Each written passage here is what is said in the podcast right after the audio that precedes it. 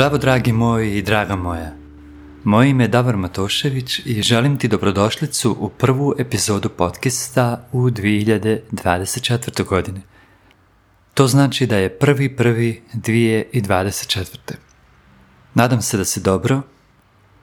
Kako je bilo sinoć? Jesi li bio sa nekim društvom, sa porodicom ili sam možda? Ili sama naravno? Osjetiš li da smo već u novoj godini ili ti treba neko vrijeme da prođe? Da shvatiš da je danas prvi dan nove godine. Ja sam svoju novu godinu proveo u društvu porodice, jako ugodnom druženju.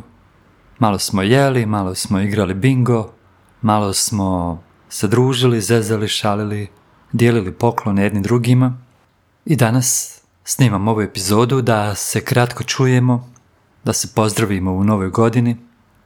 U prošloj epizodi sam rekao da ti želim mudru, mirnu, veličanstvenu i spomena vrijednu 2024. godinu i to ti ponovo želim da nađeš u sebi izvor svoje vrijednosti, da prepoznaš šta je to što tebi daje tebe, da prepoznaš šta je to zbog čega ti postojiš u ovom svijetu i zbog čega si ti bitan – i da onda kada uspiješ i kada skupiš te svoje snage, da onda sa njima kreneš u stvaranje nečega novog, nečega ranije neviđenog i nečega što je karakteristično samo za tebe i što sada ima smisla samo tebi i što će mnogim ljudima pomoći na njihovom putu. Ukoliko se trenutno boriš sa depresivnim mislima, anksioznošću, to jest skobom, ako ti je generalno teško da se pokreneš, znaj da je to samo jedan mali dio tvog života. Obično negativnostima dajemo puno vremena i mnogo vremena potrošimo samo misleći na njih, pa nam se čini da su one stalno tu oko nas. No međutim, ako realno iskreno pogledaš svoj život, shvatit ćeš da si većinu vremena sasvim dobro. Ništa ti se loše ne dešava. Imaš svoju toplu sobu, svoj topli krevet, Imaš da jedeš i doručak i ručak i večeru. Niko te nije napao taj dan, mirno si hodao i hodala ulicom. Imaš priliku da nazoveš prijatelja, da im se javiš, da ih daruješ bilo toplom riječju, bilo nekim poklonom, materijalnim, ili da jednostavno budeš tu za njih. Imaš priliku također naučiti bilo šta što te interesuje, pogotovo koristeći internet koji je danas baš jedno veliko vrelo znanja i vrelo mogućnosti. I imaš priliku ne da mu služiš, nego da se njime služiš. I kad tako pogledaš malo realnost oko sebe, shvatiš da zapravo u tvom životu ima toliko toga dobra, da trenutno imaš sve ono što je potrebno da od svog života napraviš jedan veličanstveni projekat. A taj se projekat sastoji od mnogo malih nivoa, malih projektića koji onda u cijelini pravi jednu veliku sliku našeg života. Također, prestani od drugih očekivati da projekat tvog života naprave bitnim. Ti si taj i ti si ta koji to možeš da uradiš. Ti si ta osoba koja najbolje poznaje samo sebe. Ti si ta osoba koja može sebe da upozna do neslučenih granica. Ti si ta osoba koja tačno zna šta joj treba u životu i tačno zna kako neke stvari da ostvari. Intuitivno to znaš. No, zbog činjenice da je društvo oko nas, da je svijet u kojem danas živimo sklon da stalno drugima govori kako nisu u pravu, kako nisu dovoljno vrijedni, kako ne znaju još ovo ili ono, to ti pravi osjećaj da trebaš još toliko toga da prođeš, toliko toga da znaš, da bi ostvario neku svoju želju.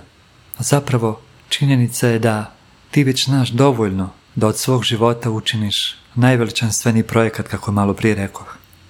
Na tom putu ti neće pomoći tuđi ciljevi. Na tom putu će ti pomoći ako ti izađeš iz jedne negativnosti u kojoj smo stalno silom prilika svi skloni upasti i kreneš raditi te male stvari za koje znaš da će ti pomoći u životu. Kreneš ranije ustajati, ranije lijegati. Možda prestaneš konzumirati alkohol, cigarete, drogu naravno. Mnogi, znam, i to koriste. Koristio sam je i ja. Da ti iskreno kažem i to sam radio zato što sam bježao od stvarnosti. Nisam bio sposoban i nisam imao kapacitete suočiti se sa sobom i sa svojim pravim problemima. Kada sam to shvatio, onda sam se bacio u koštac sa problemima.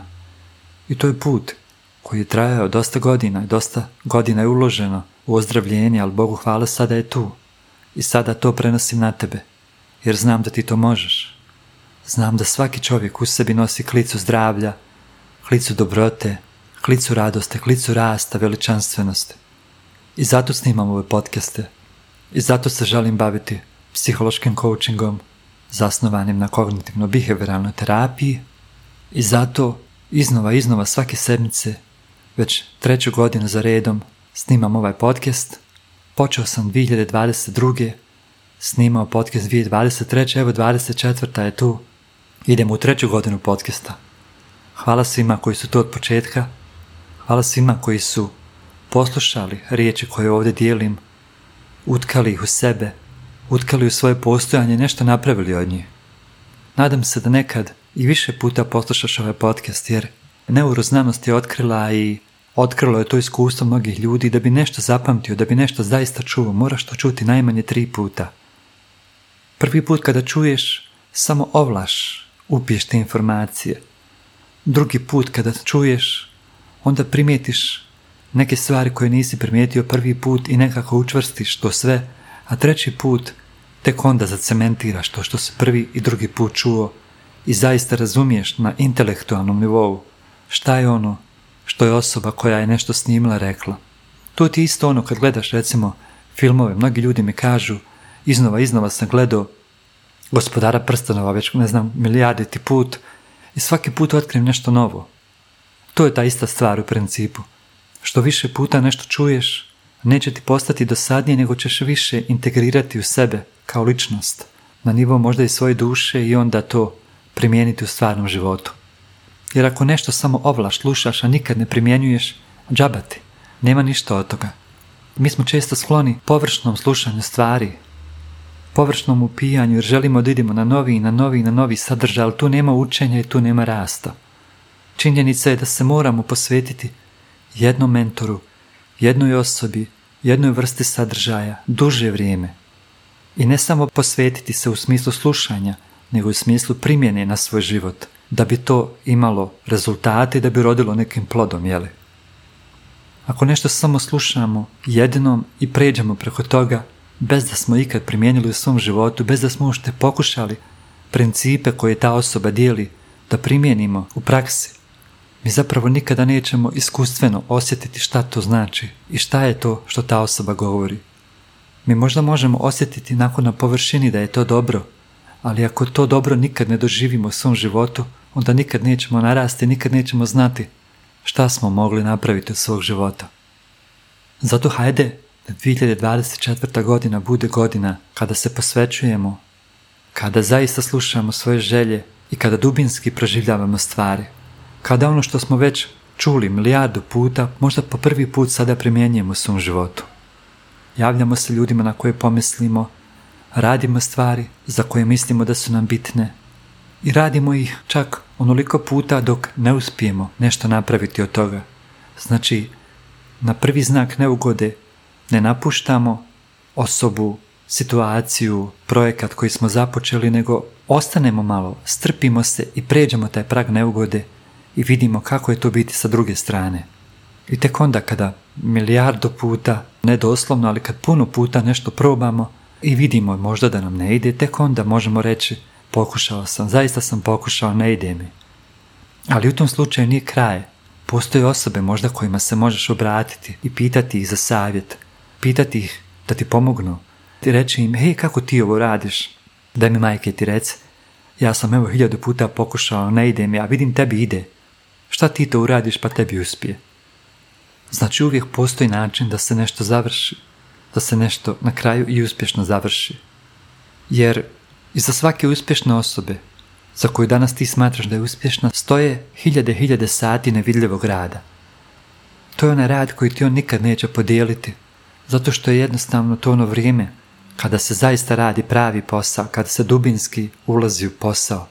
Svaka osoba će ti samo pokazati većinom onaj konačni rezultat svoga rada.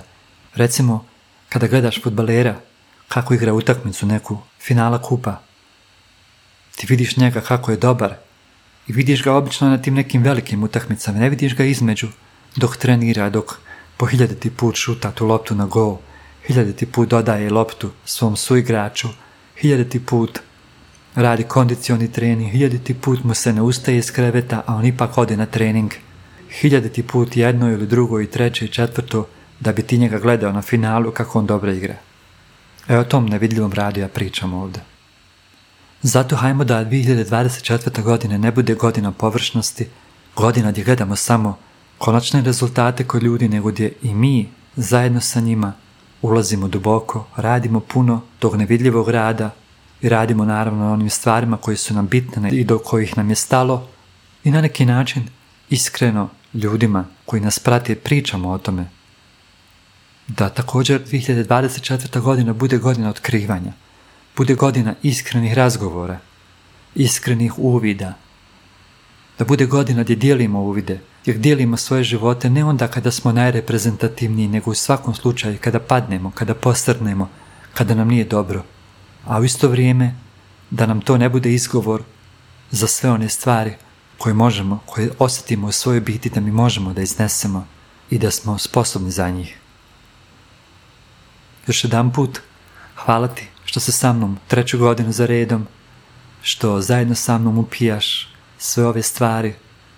U januaru, to jest u ovom mjesecu, počinjem intenzivnije biti na Instagramu, objavljivati tamo razna videa kojim ću nastojati da na svoj, sebi svojstven način pomognem da ti ukažem neke bitne stvari po meni i dati ti priliku da mi se javiš da počnemo zajedno raditi na coachingu, na tvom osnaživanju, na tvoju izvrsnosti da izvučemo iz tebe sve one stvari koje možda sada kaskaju, koje su možda sada skrivene, a dio su tvoje ličnosti i mogu ti pomoći da živiš jednim veličanstvenim, jednim bitnim, jednim velikim, jednim dobrim životom. Sretna ti nova 2024. godina, šaljem ti mnogo ljubavi, mnogo mira, mnogo snage i mnogo zagrljaja. Čujemo se iduće sedmice. Ćao, čao.